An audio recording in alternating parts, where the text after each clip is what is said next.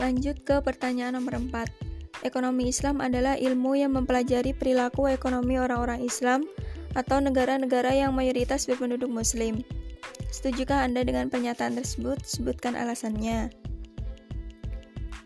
Tidak setuju, karena ekonomi Islam sendiri telah ada dan dipraktikkan sejak agama Islam itu diturunkan. Tetapi bukan berarti ekonomi Islam adalah ilmu yang mempelajari perilaku ekonomi orang-orang Islam atau negara-negara yang mayoritas berpenduduk muslim saja.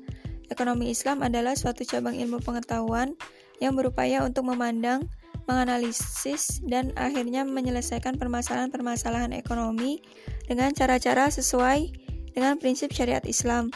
Jadi, ekonomi Islam menurut saya yaitu ilmu yang mampu menyelesaikan permasalahan-permasalahan ekonomi dengan cara-cara yang sesuai dengan syariat Islam.